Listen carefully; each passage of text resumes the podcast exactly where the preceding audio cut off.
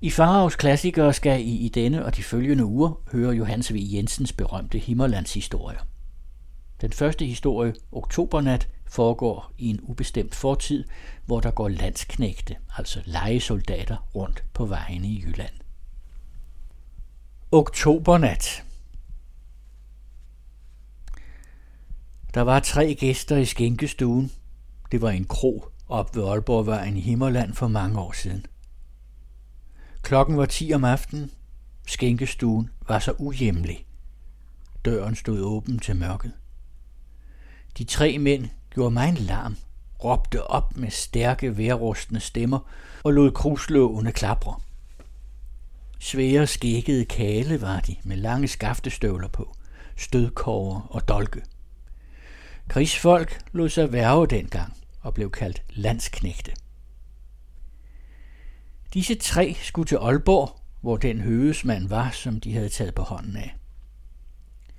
De havde allerede gået langt, skulle gå fremdeles hele natten, derfor hvilede de i krogen og drak øl. Rimeligvis brunsvigermumme. De to var gamle svende med skimlet skæg, men den tredje var ung, krusåret og ikke før over maven. Hans stemme var klarere end de andres. Han lå mere. Det kunne også høres på hans eder, at han var et ungt blod. Han bandte overdådigt og rigt, var ikke som de andre faldet tilbage på en enkelt stereotyp gudsbespottelse. Det landsknægtene talte om med så stor larm var uhøvisk. Deraf kom deres ivrighed, og derfor edede den unge landsknægt så blomstrende frodigt. Men at samtalen var uhøvisk vil sige, at den drejede sig om kvinder. I de dage var det nemlig ikke anderledes end nu.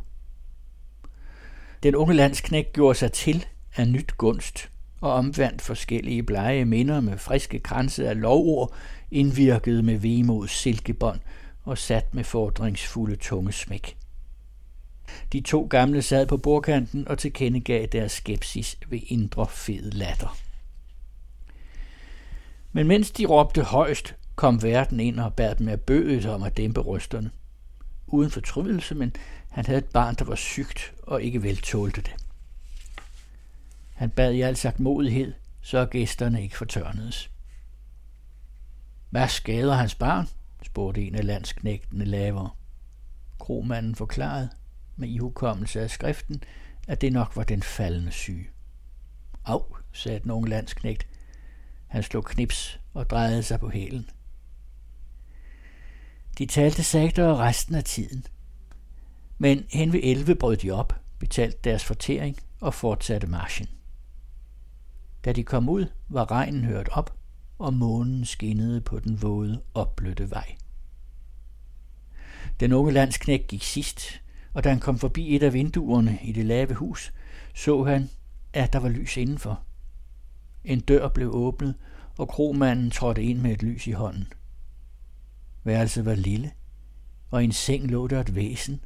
Han så et aflangt, blegt ansigt med mørkt hår om to mørke øjne, et kummerligt smule pigeansigt.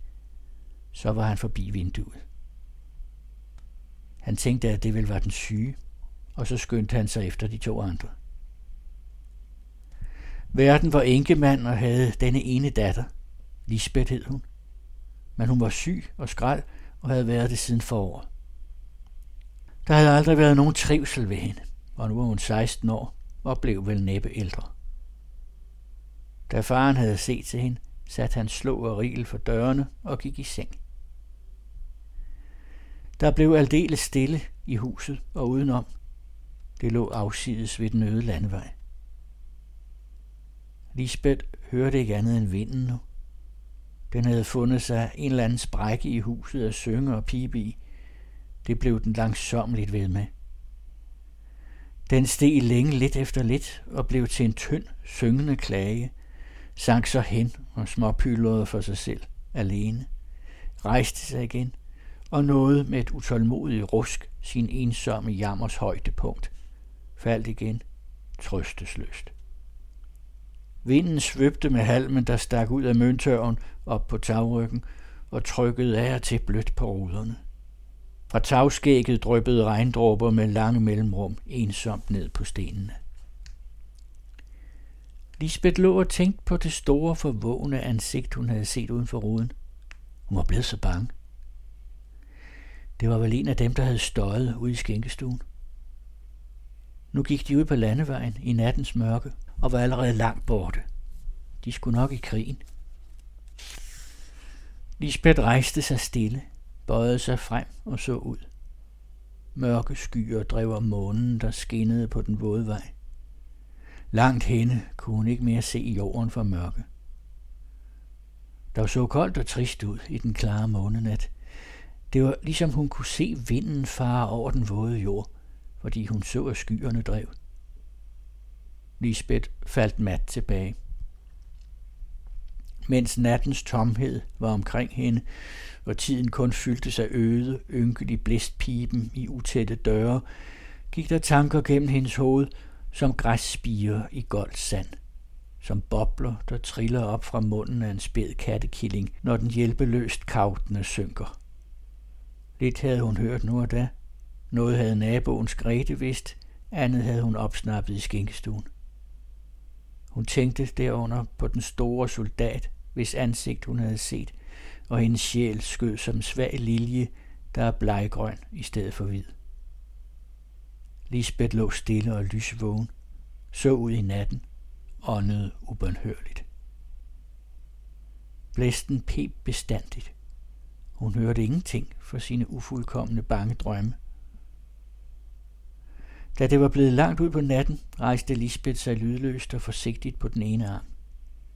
Hun lyttede længe, men da alting var dødstille, lagde hun sig tilbage igen, strøg nølen af dynen til side og lå lidt der i det svage måneskin, mager og udtæret, som en dæmpet skinnende hvid rosenblomst, der halvudfoldet visner og bøjer sig mod støvet.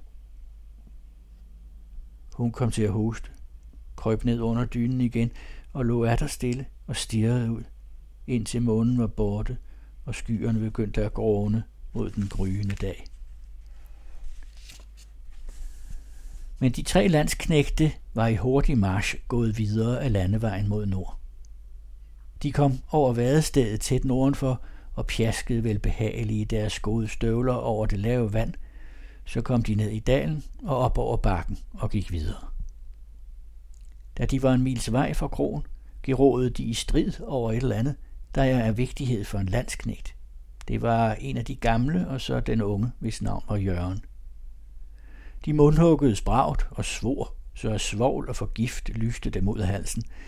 Til sidst trak de blank og anfaldt hinanden. Ude i lyngen ved siden af vejen fægtede de, og den tredje landsknægt så til. Jørgen var forbitret og bestemt på at dræbe modstanderen. Det var med en følelse af noget grænseløst urimeligt og naturstridigt, at han i et pludselig nu vidste sig udækket, så den onde klingespids. Han tænkte sig lynsnart og med al sin vilje muligheden af noget, og i dette nu følte han spidsen hurtigt gå gennem tøjet. Stikket, den isnende skæren og en smertelig vonde dybt ud i ryggen. Først nu kom det, han ville, at bøje sig til siden. I det samme svandt kraften af hans ben, og han faldt. Men da den anden trak klingen ud, krummede han sig sammen med et kort skrig. Så gik de to deres vej videre mod nord og lod ham ligge med et dødeligt stiksår gennem lungen. Jørgen fattede ingenting, fordi han sådan et sekund skulle forsone sig med den fjerneste og umuligste af alle tanker. Men da han endelig blev klar over det, følte han sig totalt forandret, ligesom omskabt. Hurtigt lettede han sig. Smerten var ulidelig. Han skød det hele fra sig og stirrede efter de to skikkelser, der svandt jævnt i mørket. Han fyldtes helt af måbende vantro. Gik de fra ham? Ja, uden at vende sig. Jørgen blev helt blindet af rasende had og harme. Han lod sig falde tilbage i lyngen, trængte sig sammen om smerten, der bed og huggede i kroppen, og da han atter lettede på sig, mærkede han, at tøjet slap fra hans skin. Det havde klæbet dertil. Tak. Han var blodig over det hele. Det løb nok så lystigt ud i lyngen også. Han ville knap tøjet op, men armene var stive som af kul. der blev han afsindig af skræk. Så sig om i mørket. Kunne ikke tro det. Han lå ved foden af en lille høj, men det blev ham med et om at gøre at komme op til toppen. Krybende og kravlende nåede han derop, og blev undervejs aldeles ydmyg. Så kraftesløs var han. Da han sank om derop, gav han pokker i det alt sammen. Han lå ganske stille på ryggen, kunne ligesom liste sig udenom den grålige pine i brystet og føle, hvor velgørende og godt hans trætte ben hvilede. Nu han lå så stille, begyndte han at tænke over tingene. Han hørte vinden, der kom strygende over lyngtoppene, vippede en kende med de stive kviste og stribede af den til en dæmpet visken og puslen. Skyerne drev forbi månen. Det var, som det plejede at være. Men i Jesu navn, nu er det ramme alvor. Han skulle af med livet. Et øjeblik voksede han op i en eneste jamrende anklage. Så tænkte han fornuftigt igen, ivrigt, skønsomt. Det galt om at få reddet på en hel mængde. Men i hastværket snublede alting over hinanden. Små tanker og minder fløj til i ilter for fjamskelse. Et krampesæt i brystet jo alt ud. Han vondede sig halvhøjt. Netop her skulle det være forbi. Så var alt det andet jo ingen nytte til, synes han. Nej, hele hans liv var for ingenting at regne mod den stund, da han lå her og i al evighed hørte vinden suse lidt hen over lyngen og puste og sukke. Dernede i Rensborg stod han og drak et glas vin. Så faldt hatten bag af ham, og kridtpipen gik i stykker i værtshuset dengang. Hvad skulle det til? Hvorfor havde han gjort sig så stor umage med den våbensmed i Lübeck? Og hvorfor havde han plejet sit skæg, og hver dag længtes efter, at det skulle blive længere? Hvorfor var der blod i ham, når det nu skulle rende ud? Jørgen følte et øjeblik lun lattermildhed, som om han havde nejet nogen, der havde gjort en hel del ud af det for ham.